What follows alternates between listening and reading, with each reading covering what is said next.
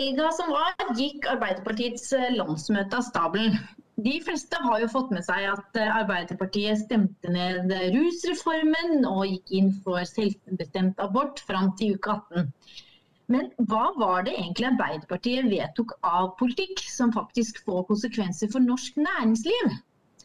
Hvis du synes at dette gikk litt under radaren, så er det bare å følge med nå. fordi nå har jeg fått med meg eh, Ketil Linseth og Stian Valla i studio.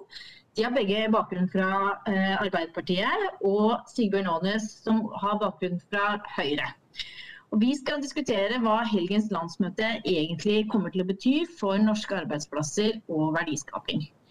Jeg heter eh, Liselotte Lunde, og jeg er leder av politikk- og samfunnsavdelingen til eh, First House. Jeg lurer på, jeg skal begynne med deg, Stian. Kan ikke du eh, si litt om hva var det som viktigste som eh, Arbeiderpartiet vedtok på landsmøtet i helga? Viktigste? Eh, jo, det, takk Lotte. Du sitter i studio. Det vil si jeg kikker inn i en bitte liten skjerm foran meg på ja, hva er det nå? Sjette måneden på rad. Eh, så det er et slags eh, mentalt studio, får vi si. Eh, vært et landsmøte med ja, eh, mange viktige vedtak. Eh, vi står jo i et valgår, og eh, sånn som målingene ser ut, så kan det gå mot et skifte. Så det er mye viktig å ta for seg.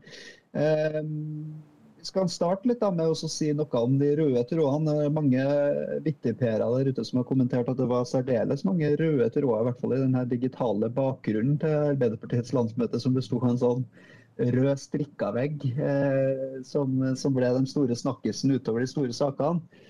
Eh, så er det jo fristende å begynne å snakke om både rusreform og abortdebatt og iskant og det ene og det andre. Det skal ikke vi gjøre her nå, eh, men, eh, men vi kan jo, kan jo, snakke litt om næringslivspolitikken. Jeg tror at de som eh, de som har savna noen tydelige signaler om hva vi skal leve av etter olja, Liselotte, de, de har vel kanskje ikke fått alle svarene etter dette landsmøtet, men de har fått noen flere. Et ganske konkret parti som uh, har vært opptatt av å treffe, uh, treffe velgerbasen sin. Uh, si, noen har vel også konkludert med at Arbeiderpartiet er litt back to the roots.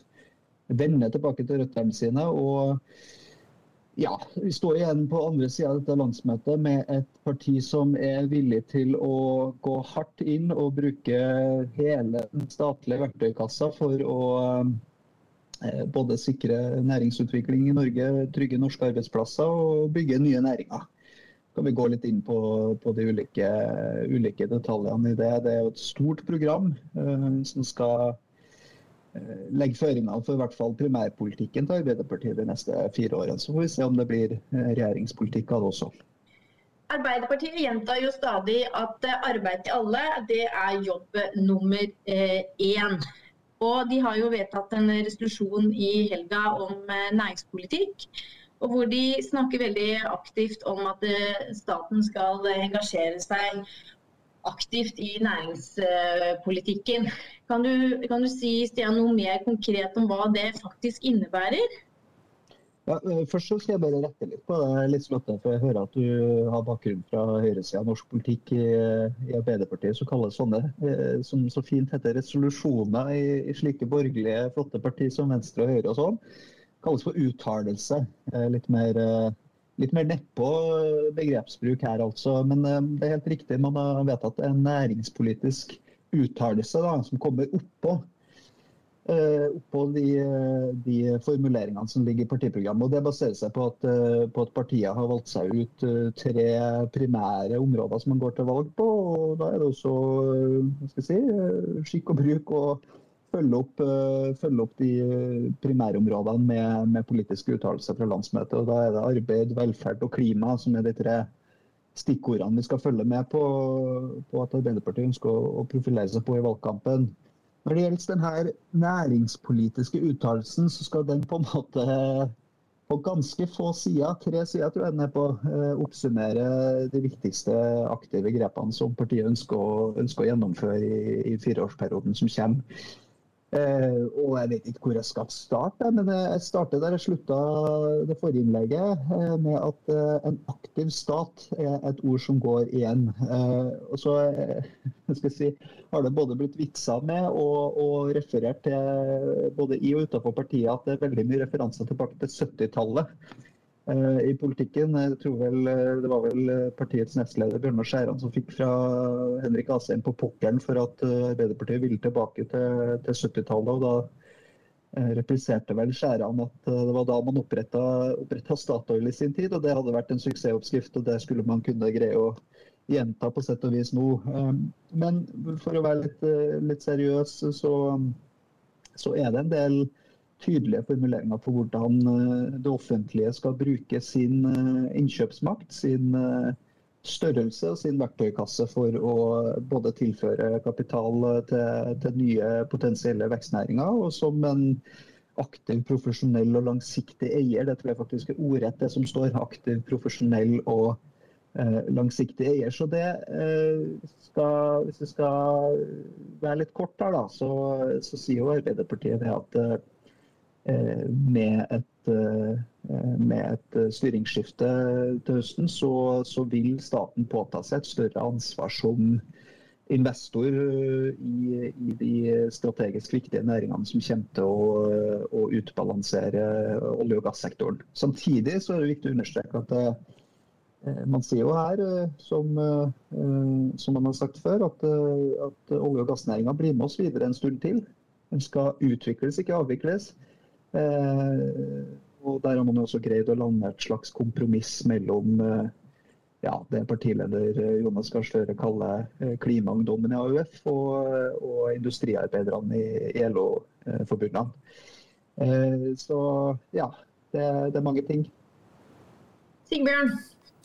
Ja, nei, veldig interessant å ha fulgt eh, landsmøtet til Arbeiderpartiet. og Jeg syns de har fått til det heldigitale landsmøtet på en god måte. Vi ser en Støre som er i bedre form enn han har vært på ei stund. Og et parti som nok eh, har eh, mindre i hvert fall konflikter som vi ser, enn det vi har opplevd de, de siste årene. og Det tror jeg gjør godt i Arbeiderpartiet, og det gjør godt for Støre. Og Det som Stian peker på her, det er første gang jeg husker på lenge et Arbeiderpartilandsmøte, spesielt med programbehandling behandling hvor ikke oljesaken f.eks. har vært toneangivende eh, for et eh, landsmøte. Det betyr at man har fått lagt ei viktig konfliktlinje, i hvert fall død for en periode. og og du kan si akkurat det er et symbol på at nok også at fagbevegelsen, privat deler av fagbevegelsen, Fellesforbundet Industri Energi, føler seg ganske godt fornøyd med, med det landsmøtet som har vært. Det vi, det vi, også ser nå, er jo en disrupsjon i norsk næringsliv som nok er større enn det vi har sett på, på veldig veldig lenge, kanskje på, på tiår. Den er ikke bare norsk, den er for så vidt europeisk, delvis global, men det er veldig sterk i Norge pga. overgangen fra oljeøkonomien til noe annet. Og det går på det grønne skiftet. Altså, vi har en borgerlig regjering som har eh, lova bort 15 milliarder cirka, til CCS. Vi, før sommeren så vil vi få en stortingsmelding eh, og et veikart for hydrogen og havvind. Sånn at, og, og, batteridebatten går for fullt. sånn at Det interessante er jo å se at eh, alle partiene kiver jo nå om å være eh, best mulig på nye, det nye grønne næringslivet. Og, og, og, Det er ikke et spørsmål om man skal bruke privat kapital, men det er spørsmål om hvor mye og hvordan man skal gjøre det, og hvor, hvordan støttenivået skal være. Eh, jeg ser nok også et Arbeiderparti som nok kanskje ligger noe lenger til venstre i en form at eh, staten skal eh, også har mer aktivt eierskap i den, i, i den formen at man nok ønsker å, eh, å, ta en større plass enn det, enn det, private, selv om man også legger opp til et offentlig-privat eh, samarbeid. Eh, og Således så syns jeg jo for, for, norsk næringsliv og norske eiere så er det jo et paradoks at eh, Støre på ene sida sier at vi har for lite privat kapital i Norge.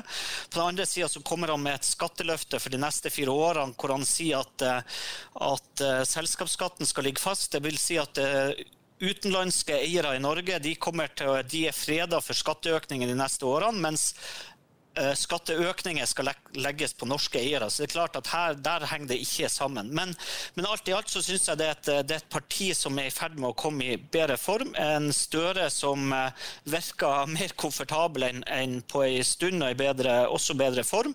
Og, og for norsk næringsliv så blir det utrolig viktig å følge med framover. Ikke bare på det som har skjedd i Arbeiderpartiets landsmøte, men hvor blir de store debattene framover. For det er én ting jeg er sikker på, og det er at både Høyre og Arbeiderpartiet kommer til å ønske at, eh, at arbeid skal være den viktigste saken i valgkampen 2021. Og når de partiene ønsker det, så er jeg ganske sikker på at det også kommer til å bli det viktigste. Og helt til slutt vil jeg si at, eh, at det vi ser fra Arbeiderpartiet nå, det vil, i hvert fall min spådom vil gjøre at de kommer til å hente tilbake en del velgere, bl.a. fra Senterpartiet framover. Men så er det jo, eh, Hvis jeg kan kommentere på det Sigbjørn sier, eh, riktig, riktig det at, at, eh, Støre har vært ute og sagt det, at det er for lite privat kapital i Norge. Så, og så er det jo interessant å se hvordan han da snur og peker. Men vi har et sted, det finnes én investor med ganske mye kapital i dette landet, her, nemlig staten sjøl. Og hvordan partiet følger opp eh, den logikken med å, å, forklare hvorfor det er riktig at staten går inn som langsiktig partner i en del av disse satsingsområdene. Vi har nevnt, eh, hørt nevnt områder som havvind, hydrogen osv. Potensielle store eksportretta industrier som kan, kan, bety vekst for Norge og kan bety ja, både nye arbeidsplasser og, og, og verdiskaping. Eh, så sier jo eh, Arbeiderpartiet i sin uttalelse at, eh, at, nettopp det at staten går inn som partner og, og kommersiell investor i disse, disse, prosjektene, vil være viktige politiske redskap for å sikre at den verdiutviklinga skjer i Norge. At det skjer på, på, på norsk territorium, for å si det sånn. At det er norske arbeidsplasser som kommer ut av det. At det genererer norske skatteinntekter samtidig som man i en sånn eierposisjon også kan være med og, eh, og diktere mer for ja, eksempelvis bruke innkjøpsmakta til, eh, til, å skape et mer seriøst arbeidsliv, sikre lav- og nullutslippsløsninger, og, og som sagt at den næringsutviklinga kommer eh, i Norge. Så jeg tror for de som, eh, de som, ser for seg at nå kommer det statlige hydrogenfabrikker og popper opp over land og strand, de, de, tror jeg nok kanskje blir skuffa. Eh, jeg ser nok for meg at det er mer som en kommersiell partner man ønsker å bruke, bruke staten her, ikke som operatør ute i feltet. Men bare et uh, kort spørsmål, Stian. Opplever du nå at denne statlige eierskapspolitikken er, har den endret seg siden uh, stortingsvalget for fire år siden, eller er, er Støre bare blitt tydeligere? Jo, den har endra seg, og den har endra seg i takt med, med den mer overordna bærekrafts- og klimadebatten. Jeg tror det er det som har på en måte gitt, gitt litt ekstra gass til sosialdemokrater som er hungrige på å bruke det statlige eierskapet til noe mer enn å forvalte aksjeporteføljer. Så får jo uh, Arbeiderpartiet ganske god drahjelp av krefter rundt om, både på kontinentet, fra, fra de tiltak som kommer fra EU-kommisjonen, EUs grønne fond. Uh, se til USA, hvor Joe Biden nå skal ja, punge ut hva er det, 2000 milliarder dollar i, i bærekrafts- og, og infrastrukturprosjekter det som før var sett på som litt sånn uh, gammeldags uh, keynesiansk uh, motkonjunkturpolitikk, har plutselig kommet litt i vinden igjen. Og dette skjer jo med jevne mellomrom. 2017 var et helt annet valg med en helt annen dynamikk. Det er helt andre temaer som står på, på dagsordenen nå, og debatten er mye mer moden. Og du kan komme med den typen utspill uten å, uten å skamme deg, tror jeg. Eh, jeg vil si at, eh, at jeg, ser to endringer. Og, og, det går ikke på det at man vil bruke mye statlig kapital nå på, på henholdsvis havvind, hydrogen, CCS osv. For det, det, det, er, det, er, vel nærmest eh, altså Det er så bredt politisk flertall for å gjøre så det er spørsmål bare om nivå. Men, men det er klart Arbeiderpartiet har snakket om et statlig hydrogenselskap. Hvis det er lagt bort, så, så, så er jo det i seg sjøl interessant. Men det har man snakka om lenge lenge. I tillegg til at det er kommet en ny dimensjon inn i det statlige eierskapspolitikken. og Dette er ganske viktig, fordi at 40% av Oslo Børs er vel, er vel statlig kapital. Og det er at profitt skal fremover ha, ha, en mindre plass også i det statlige eierskapet. og Det betyr at man går ganske tydelig bort fra det Jens Stoltenberg tidligere var, var opptatt av, nemlig at, man, at statlig eierskap skal drives med profesjonelt med en armlengdes avstand, og det skal faktisk gi en solid avkastning. Og, så det er klart at Den dimensjonen der blir det spennende å se hva det betyr framover, også for vektinga på Oslo Børs. Hvor, hvor, stor statlig eier, hvor stor statlig andeler skal, skal være på Oslo Børs osv. Men for norsk næringsliv fremover, er det, er det, hva Dere sier at her skal man følge med. Hva mener dere med det? Hva er det man skal jeg, jeg, jeg vil si det at jeg tror jo at de som har noen våte drømmer om at du skal få et stort statlig industrielt eierskap i Norge når du får en rød-grønn regjering, de eh, tror jeg kan bare Den, den kommer til å bli fryktelig skuffa. Fordi at jeg tror at Min spådom i hvert fall er jo at den eh, politikken som vi ser i dag, kommer ikke til å være så veldig annerledes i, i november 2021, eh, hvis vi får et regjeringsskifte med statsminister Støre. Og jeg tror at for det som, det som, kommer til å skje, er nok at øh, ja, det kommer til å bli fond, det til å bli øh, Men det er jo egentlig bare innretninga av øh, investeringer med den kapitalen som staten har i dag. men det er jo veldig stor forskjell på det å være finansiell eier og det å være industriell eier. og jeg tror lærdommen til Arbeiderpartiet, og som man jeg tror heller ikke Jonas Gahr Støre har uh, glemt, det er jo at staten er dårlig på å være industriell eier, men har vært en kjempesuksess som finansiell eier. Uh, og Det er klart at det uh, ligger veldig tjukt i veggene og i embetsverket i Norge. Så det er klart at Når det kommer statsråder inn der, så kommer de til å bli massivt møtt med eksempler på hvor dårlig staten er til å drive ting altså det å være industriell eh, eier. Siste eksempel på det, som jeg er sikker på at øh, den eventuelt nye regjeringen kommer til å bli minnet på, er jo den, det lille eventyret man hadde med Kjell Inge Røkke, der man prøvde seg igjen etter øh, å ha lagt bort øh, alle sånne tanker i 20 år på å skulle være en industriell partner med Aker. Altså, staten ble lurt sønder og sammen eh, og gikk skikkelig på trynet. Og det endte opp med at uh, Sylvia Brustad uh, måtte beklage overfor Kjell Inge Røkke på vegne av den norske staten. Og jeg håper jo inderlig og vel at man husker den episoden man, hvis man nå skal nå inn og gjøre såkalte vågale industrielle prosjekter sammen med private eiere. Staten er ikke flink i sånne sammenhenger. Næringslivet er mye, mye flinkere til å håndtere eh, den type eh, eierskap. Det tror jeg vel også kommer fram uh, ganske tydelig i hvert fall i den vedtatte politikken som kommer ut av dette landsmøtet. Klart det er jo interessant å se et, eh, et, partiprogram som tallfester hvor mange tonn uh, ren hydrogen som skal produseres i dette landet her innen, innen 2030. Hvis vi ser på hvem som, skal, hvem som, skal, drive dette industrielle partnerskapet, så er det jo sammensatt av to ja, om ikke helstatlig, så i hvert fall et helstatlig og et relativt statlig selskap gjennom Equinor og Statkraft. Så Det handler om hvordan, eh, hvordan, man ser på staten som, eh, som eh, organ her, tror jeg. Og, og der er Arbeiderpartiet på et, et, sted hvor man ser at det å, å rå over 500 milliarder i, i kapital f.eks. som det offentlige bruker på å kjøpe varer og tjenester for hvert år, og ikke bruke det strategisk til å også oppnå politiske Eh, ønsker og mål, eh, det, det, er noe som man vil bl.a. gjøre noe med.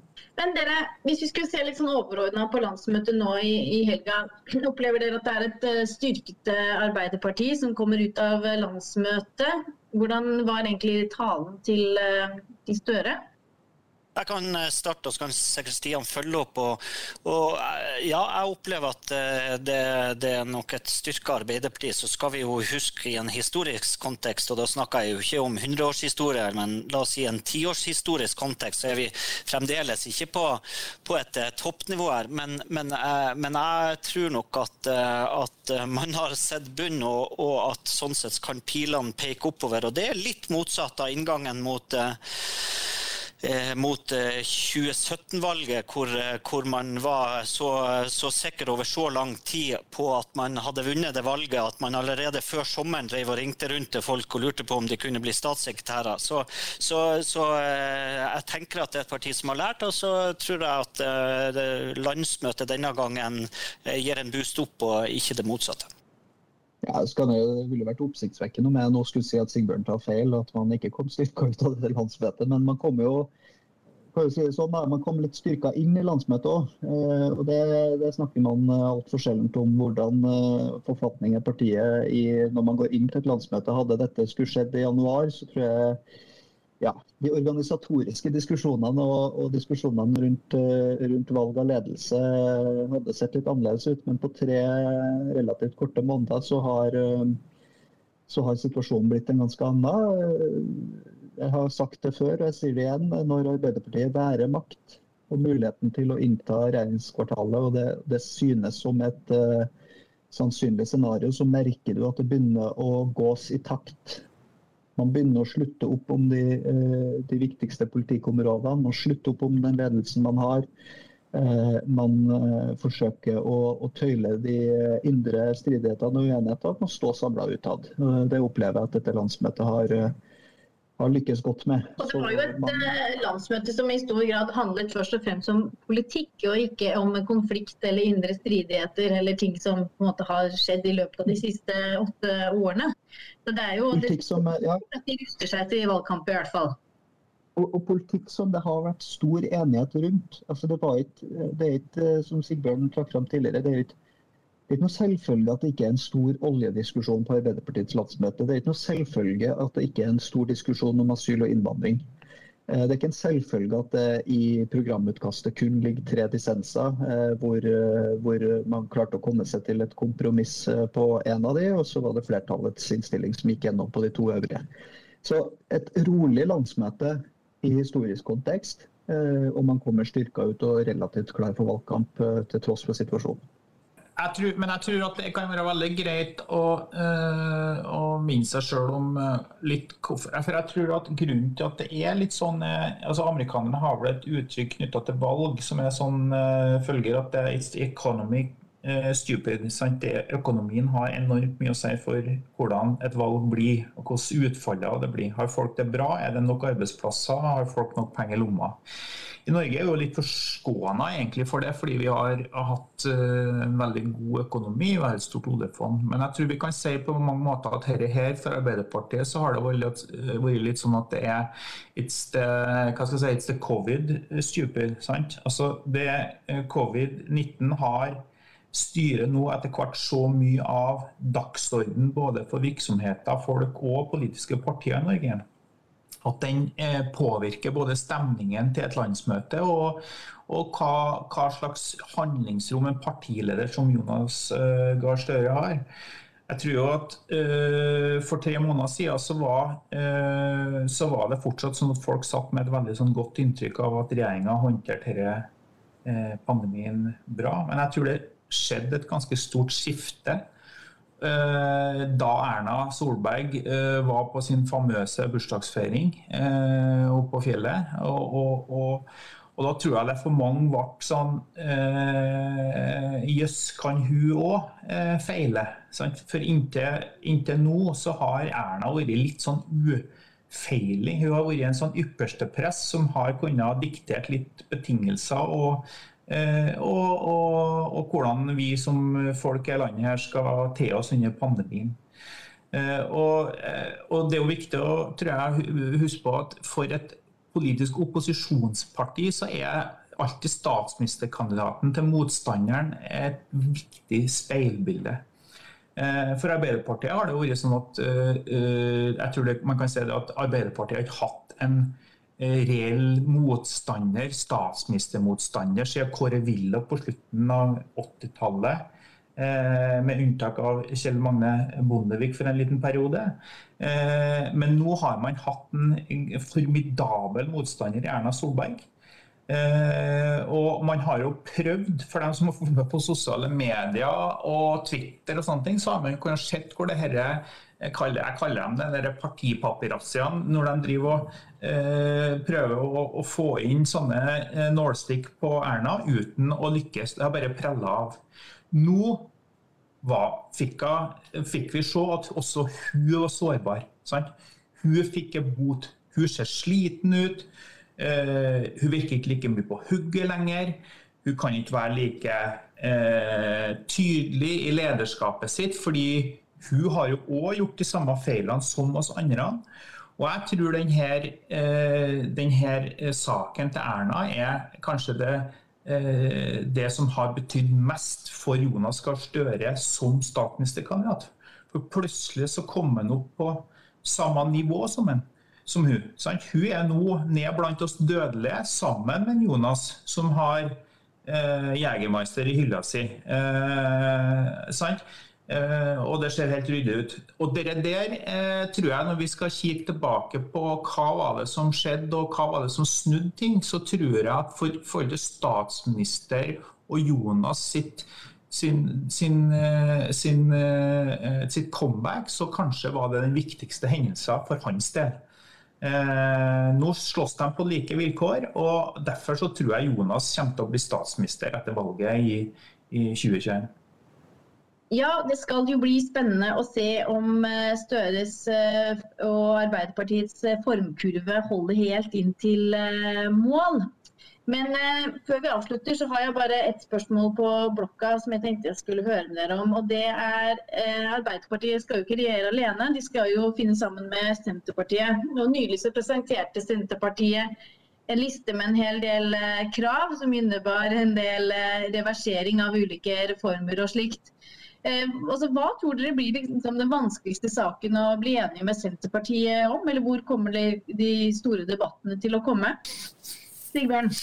Ja, nei, jeg tror Det viktigste kommer til å bli prioriteringen. fordi at uh, Du merker det også litt på Arbeiderpartiet. at du, man, man, ser jo at uh, antall løfter Eh, overstiger den penge, altså det, det, handlingsrommet man har. Så jeg tror det absolutt vanskeligste blir å, å, bli enige om hva man skal prioritere. Nå er de, nei, de to partiene bl.a. ute og lover en jernbane i Nord-Norge fra Bodø til Tromsø til den prisen sannsynligvis minimum 120 milliarder kroner. Så, så, så, det tror jeg kommer til å bli det absolutt tøffeste de imellom. Og da er mitt stalltips at eh, Arbeiderpartiet blir nok eh, størst etter valget. så så eh, av de to partiene så blir det et skifte. Det er fremdeles ikke helt klart, men blir det et skifte, så tipper jeg Senterpartiet kommer til å være nådeløs og hele tida skylde på Arbeiderpartiet når, når alle disse løftene kommer til å brytes.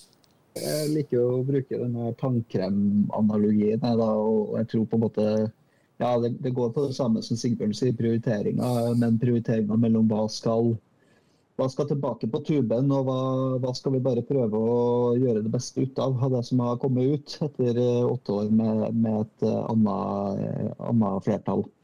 Så, jeg, så, jeg, tror på en måte det blir den store diskusjonen. Skal vi fylle regionreformen med innhold, eller skal vi splitte opp regioner bruke tid og krefter på det?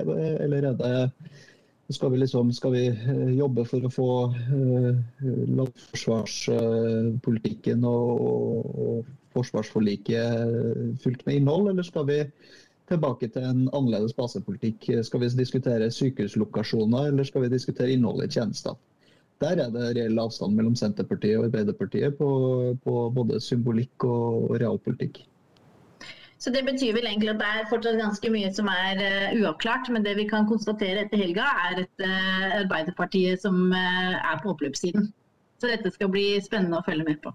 Tusen takk for at du lyttet til denne episoden av eh, First Class. Hvis du likte det du hørte på, så kan du jo følge oss på sosiale medier eller på den podkastplattformen som du pleier å bruke.